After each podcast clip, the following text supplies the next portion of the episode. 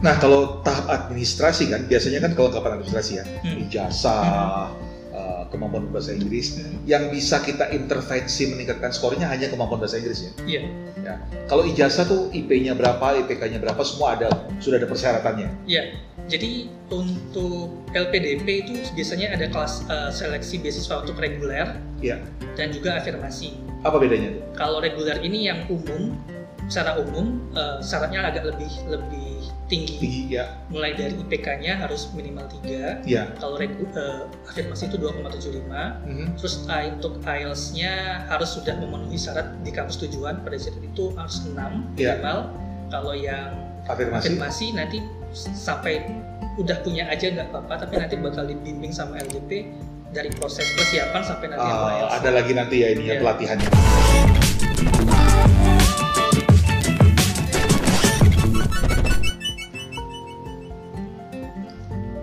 Halo semua, jumpa kembali dengan saya Ronald Tuhatu, psikolog dan konsultan sumber daya manusia dalam Leadership Toolbox Podcast.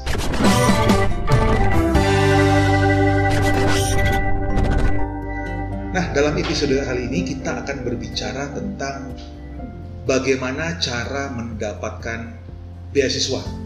Nah, apa konteksnya dengan Leadership Toolbox Podcast? Jadi, banyak sekali eh, rekan-rekan yang sudah bekerja 2 atau 3 tahun ingin melanjutkan pendidikan untuk meningkatkan kemampuan dan kompetensi dari eh, diri Anda sendiri. Nah, di sini tentunya kalau kita mau sekolah di luar negeri atau mencari eh, tambahan pendidikan di negara lain memerlukan biaya yang tinggi. Nah, salah satu sumber dana untuk mendapatkan pendidikan itu adalah melalui beasiswa. Nah, kita akan berbicara dengan Mas Edo Akmal Hakim. Ya, kalau di Jogja semuanya dipanggil Mas. ya, nah, panggilan sayangnya Mas Edo dan kita akan berbicara tentang bagaimana Mas Edo bisa mendapatkan beasiswa dari LPDP. Apa tips dan saran-saran yang bisa di-share oleh Mas Edo. Mas Edo, terima kasih banyak atas waktunya. Terima kasih banyak Bang Ronald sudah diundang kemari buat Iya. podcast yang sangat spesial ini. Oke, Ah, jadi sehat nih ya, selalu sehat. Oke. Nah, Mas Edo, kita akan berbicara tentang mereka yang ingin melanjutkan pendidikan untuk meningkatkan kompetensi mereka. Iya. Ya, para profesional muda yang baru 2 atau 3 tahun atau yang sudah berapa tahun yang ingin menambah uh, set skillnya melalui program pendidikan dan tentunya kalau kita mau sekolah lagi di luar negeri ya S2 atau S3 memerlukan biaya yang cukup banyak. Iya. Nah, Mas Edo bisa ceritakan pengalaman Mas Edo untuk bisa mendapatkan beasiswa? Baik, terima kasih Bang Ronald buat waktunya. Eh, saya itu ikut seleksi beasiswa LDP itu sebenarnya udah dua kali sebenarnya. Oh, Oke, Iya. nah sebentar, kita kita kembali ke belakang dulu. Hmm. Mas Edo udah berapa tahun lulus dari S1-nya? Waktu itu satu tahun saya lulus 2016, Ya. angkatan tua. Masih muda tenang aja. 2016 lulus, kemudian ikut percobaan pertama tes LPDP itu tahun 2017, Mhm. tapi ternyata gagal. Terus coba lagi 2018 baru berhasil. Oh 2018 ya setelah 2 tahun. Jadi ada waktu di mana Mas Edo juga bekerja ya Iya, setelah lulus S1 itu. Nah, apakah bekerja itu memberikan manfaat juga untuk bisa mendapatkan beasiswa? secara umum iya, karena eh, funding atau beasiswa itu pengen seperti jaminan Iya. eh, bahwa kamu nanti setelah kamu dikuliahkan, terutama di luar negeri itu nggak kabur, nggak Hmm.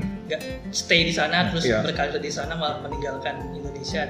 Ini kalau kita bicara konteks yang uh, dibiayai Nggak oleh pemerintah ya, berkepanjangan, iya, LPDP ya. Betul, betul, betul. Jadi pada kasus itu dengan dengan eh, LPDP sebagai lembaga funding dan Hmm. tahu bahwa saya sudah bekerja dan saya juga terikat dengan kontrak kerja. Jadi Hmm. kesempatan saya untuk dalam istilah main-main untuk kabur untuk untuk meninggalkan Indonesia dan berkarir di luar negeri itu sangat kecil. Jadi uh, hampir dapat dipastikan bahwa Mas Edo nanti memang akan kembali Akan ke kembali Indonesia dan mengabdi di Indonesia ya. Iya.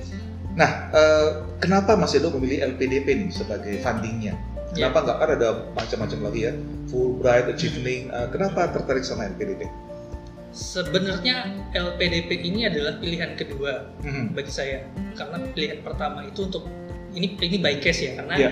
ketika kalian eh, kita memutuskan untuk kuliah di luar negeri kita biasanya memilih eh, beasiswa terbaik di negeri tersebut. Oke, Kebetulan- beasiswa terbaik yang ada di negara tersebut. Ya kebetulan kalau untuk di Australia itu secara living allowance dan sebagainya itu atau dan juga fasilitas itu lebih bagus AS karena Hmm. selain dengan living allowance jauh sedikit lebih lebih tinggi dibanding LPDP juga ternyata difasilitasi dengan transport card gitu jadi Oh, ketika anda penerima beasiswa AS Australia Award Scholarship itu anda juga berhak mendapatkan potongan ketika anda melakukan transportasi di negara uh, Australia.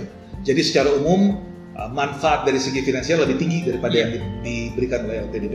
Oke. Saya juga pernah, pernah mencoba AAS itu di tahun 2017 juga Mhm. tapi ternyata masih gagal juga Iya. dan akhirnya eh, jujur setiap orang yang apply beasiswa itu pasti nggak cuma satu karena mereka pasti punya plan selanjutnya kalau nggak keterima Oh, ini ada plan A, plan B, plan C. Apa Ah, terus itu saya ketika nggak keterima AS ya memilih LPDP Ya. dan kenapa LPDP juga menjadi pilihan selain AS karena eh, berbeda dengan beasiswa pemerintah sebelumnya kalau dulu pernah dengar beasiswa dari Dikti Mhm. dulu kan ada istilah di rapel jadi setelah kamu tinggal di sana nanti ditunggu dulu tiga bulan dan selama tiga bulan itu kan kalian sebagai pelajar tuh terbatas nggak bisa ngapa-ngapain Ah, oke. izin kerja pun sepertinya kalau visa pelajar itu nggak nggak full belum belum bisa bahkan ya. ada beberapa beasiswa yang tidak memperbolehkan untuk bekerja kan jadi sangat risky Hmm. Iya kalau selama tiga bulan itu saya punya tabungan, saya punya spare atau saya punya pekerjaan kalau tidak kan sangat Sulit sangat gambling Iya, penting betul. hidup tiga bulan tanpa pemasukan. Akhirnya Anda uh, dapat dari LPDP ya. Hmm. Nah, kita bicara sekarang tentang proses bagaimana Mas Edo bisa mendapatkan atau sukses uh, lulus dari seleksi program LPDP. Apa tahapan-tahapan awalnya? Baik, eh, secara umum eh, beasiswa di mana pun itu pasti ada seleksi berkas atau seleksi Seleksi berkas. Di seleksi administrasi itu biasanya ada eh, permintaan sertifikat kompetisi berbahasa Inggris, Mhm. baik itu IELTS atau TOEFL. Oke. Pada saat itu untuk sertifikat eh, kompetensi bahasa Inggris saya mengambil IELTS eh, dan untuk mendapatkan IELTS itu saya jujur saya sempat ber apa ya istilahnya belajar lagi itu Iya. selama satu bulan saya istilahnya mondok itu di kampung Inggris Pare. Oh, Oke ya. Iya. Untuk meningkatkan uh, skor Skor bahasa Inggris. skor bahasa Inggrisnya, kemampuan bahasa Inggris. Karena sebelum itu juga saya pernah ngedrill sendiri sama teman-teman sesama scholarship hunter teman-teman di daerah. Waktu itu saya masih di Bengkulu posisinya. Iya. itu saya men- mencoba drill sendiri terus agak memang agak susah kalau sendiri tanpa tanpa bimbingan apalagi kalau di IELTS itu kan ada writingnya Ah, dan oke. jujur eh, kemampuan writing saya nggak terlalu bagus Ya, sama ya. seperti orang Indonesia kebanyakan Iya. Eh, kita bisa pintarnya itu di bahasa Inggris pasifnya yaitu listening dan reading biasanya jago Iya. tapi untuk eh, speaking dan writing itu biasanya jatuhnya di situ Oh, dan untuk itu saya memutuskan untuk akhirnya saya mondok selama satu bulan intensif ambil kelas IELTS di Pare, kampung Inggris. Nah, kalau tahap administrasi kan biasanya kan kalau kapan administrasi ya, Hmm. ijazah, uh, kemampuan bahasa Inggris, yang bisa kita intervensi meningkatkan skornya hanya kemampuan bahasa Inggris ya. Iya, Kalau ijazah tuh IP-nya berapa, IPK-nya berapa, semua ada, sudah ada persyaratannya. iya. Jadi untuk LPDP itu biasanya ada kelas eh, seleksi beasiswa untuk reguler Iya. dan juga afirmasi.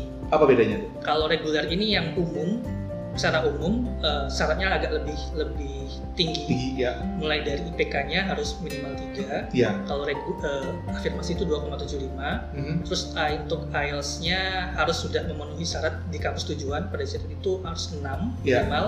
Kalau yang Afirmasi. afirmasi nanti sampai udah punya aja nggak apa-apa, tapi nanti bakal dibimbing sama LDP dari proses persiapan sampai nanti Ah, ada lagi nanti ya ini ya Iya. pelatihannya. Ini apa yang bedakan afirmasi sama reguler? Kalau reguler untuk umum uh, siapa saja boleh boleh boleh Melamar. melamar. Tapi untuk afirmasi ini untuk uh, untuk mahasiswa atau penduduk Indonesia yang punya latar belakang tidak mampu, kemudian juga ter- uh, berasal dari dari daerah 3T Oh, tertinggal, tertinggal, tertinggal terluar. terluar, Mhm. kemudian juga pernah dulunya mendapatkan beasiswa bid- bidik misi Ah, Oke. dan juga semakin ke sini kan LPDP itu semakin berkembang Iya, iya. dia pertama 2013 sudah sekitar 8 tahunan berjalan eh, afirmasi ini juga sekarang udah segmented. Hmm. Ada juga afirmasi untuk PNS, TNI, Polri, ada Oke. juga untuk santri, Ya. ada juga untuk atlet dan bahkan untuk santri untuk pada pesantren itu sekarang juga ada. Oh sudah ada ya. Oke. Nah, ad- apa yang harus diwaspadai, bukan diwaspadai, yang kita harus perhatikan untuk kelengkapan administrasi? Eh, yang pertama memang harus seluruh berkas yang diinginkan LPDP itu harus ada semua Berkas asli itu ya? berkas kop eh, scan atau soft Iya, file ya, ya, asli tapi di scan ya. Tapi di-scan. Ah, selain ijazah ada transkrip Ya. terus juga biasanya juga waktu di administrasi di beasiswa mana pun itu biasanya ada ada essay ya. mengenai rencana studi Oh, terus ada juga ya. kalau untuk LPDP itu ada juga essay mengenai kontribusi yang telah Hmm. dilakukan sebelum pada saat ini atau setelah nanti eh, selesai mendapatkan beasiswa LPDP Nah, dan Hmm. ada juga eh, surat keterangan sehat Oh iya, oke. ya narkoba dan Oh sebagainya iya, ya. Nah, kalau essay tadi itu berarti eh, ada proses nggak di mana bisa kita nggak lulus essay ini atau nilai apa seleksi administrasi kita ditolak karena essaynya tidak me- memenuhi standar atau Hmm. apakah ada Alfred pengetahuan Anda? Kalau yang saya dengar dan saya paham sejauh ini nggak ada. Cuman Oke. nanti biasanya kan ada beberapa tahap di tahap Iya. itu ada tahap wawancara. Ah, Biasanya oke. apa yang wawancara nanti tanya Iya. itu Mengacu kepada- dengan rencana studi yang kita yang kita Oke. buat. Nah, jadi setelah tahapan administrasi, tahapan apa berikutnya? Untuk khusus tahun 2018 itu tahun pertama Iya. itu dilaksanakan seleksi berbasis komputer. Oke.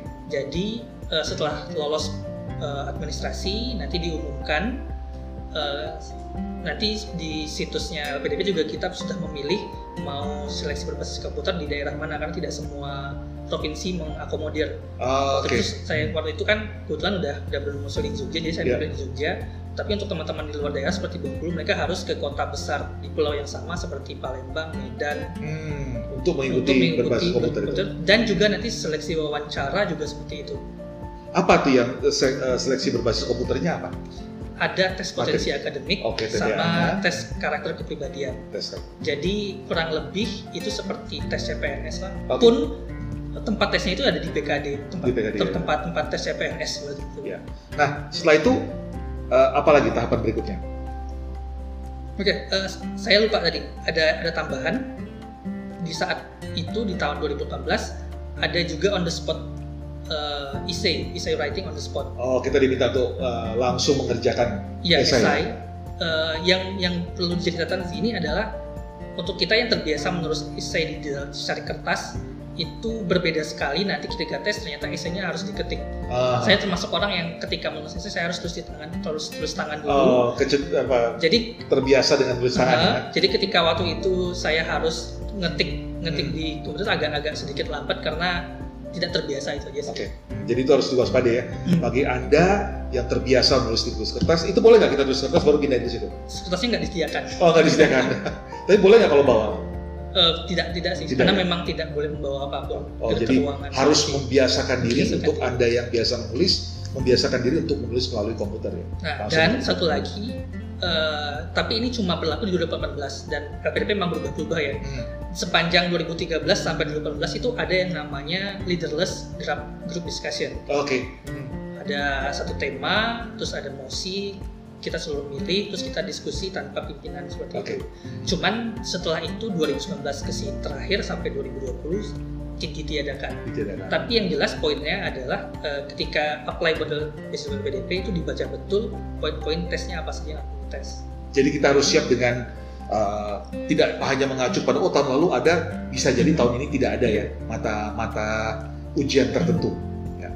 Nah setelah itu tahapan apa lagi? Setelah Setelah berkas, lolos, setelah lolos ini, lolos itu udah lolos berbasis ke berapa tuh? Satu, dua, tiga, Yang kedua, kedua. Oke. setelah tahap kedua seleksi berbasis komputer. Sistem gugur tuh ya? Iya, sesi Bogor. Dan karena tahun 2018 itu adalah pertama kali di adakannya seleksi berbasis komputer itu yang paling banyak ngekat karena orang nggak nyangka karena itu baru tahun pertama diadakan Ah, itu banyak sekali yang berguguran kenapa berguguran karena nggak terbiasa atau? mungkin karena tidak terbiasa dan belum tahu polanya apa materi yang Oke. ditanyakan apa pada pas saat itu saya mempersiapkan saya cuma baca tes tes CPNS Hmm, hmm. ya tes uh, untuk uh, aritmatik sederhana dan sebagainya dan tes kepribadian itu yang saya siapkan. Kebetulan memang itu yang keluar. Mhm. Jadi setelah tes uh, berbasis komputernya selesai, diumumkan lagi untuk seleksi substansi atau wawancara. Iya. Nah, dari seleksi seleksi wawancara ini uh, setelah tadi sudah memilih tempat wawancaranya di mana, kebetulan Iya. waktu itu saya di Yogyakarta. Nanti si pewawancara uh, pelamar itu harus uh, melakukan verifikasi dokumen.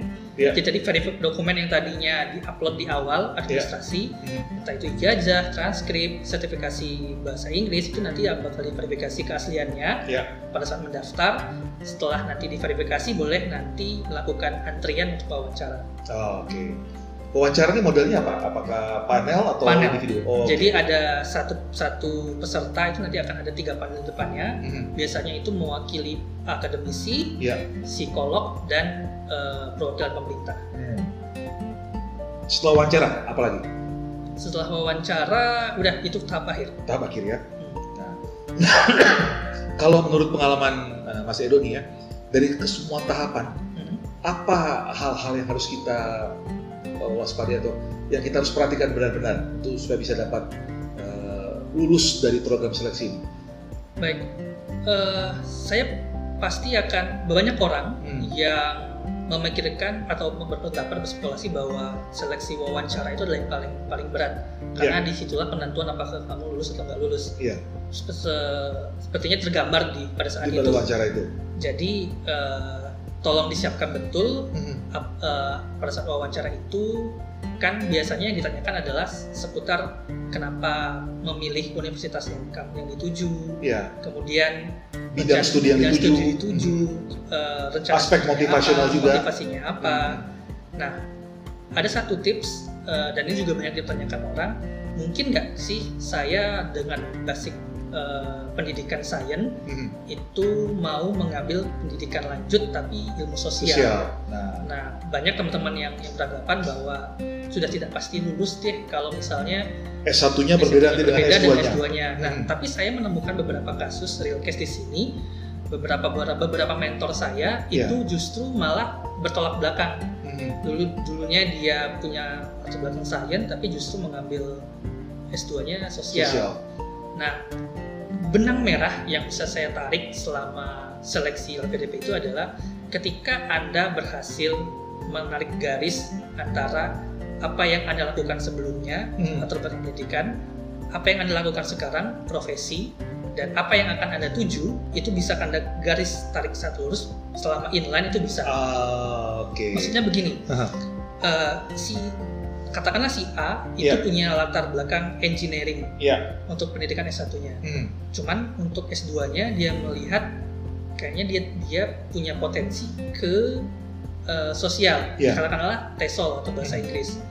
Nah, yang perlu dia yakinkan pada para penulis itu kenapa orang anak engineering itu bisa nyasar ke sosial. Ah, Nah, kasus yang saya yang saya perhatikan itu ternyata ada satu teman saya itu yang ternyata eh, selama dua tahun atau profesi dia sekarang mhm. itu ternyata dia melatih atau menjadi mentor bahasa Inggris di kampung Inggris Ah, selama dua tahun yang notabene-nya mempersiapkan eh, para siswa hunter para, para eh, siswa hunter itu untuk eh, IELTS persiapan IELTS dan TOEFL jadi Ah, ketika dia menjelaskan Ya. si panelis juga yakin oh ternyata dia punya background selama kurang lebih dua tahun untuk Hmm. mengajarkan bahasa Inggris dan ternyata berhasil menghasilkan lulusan-lulusan yang yang mendapatkan beasiswa seperti itu. Mhm.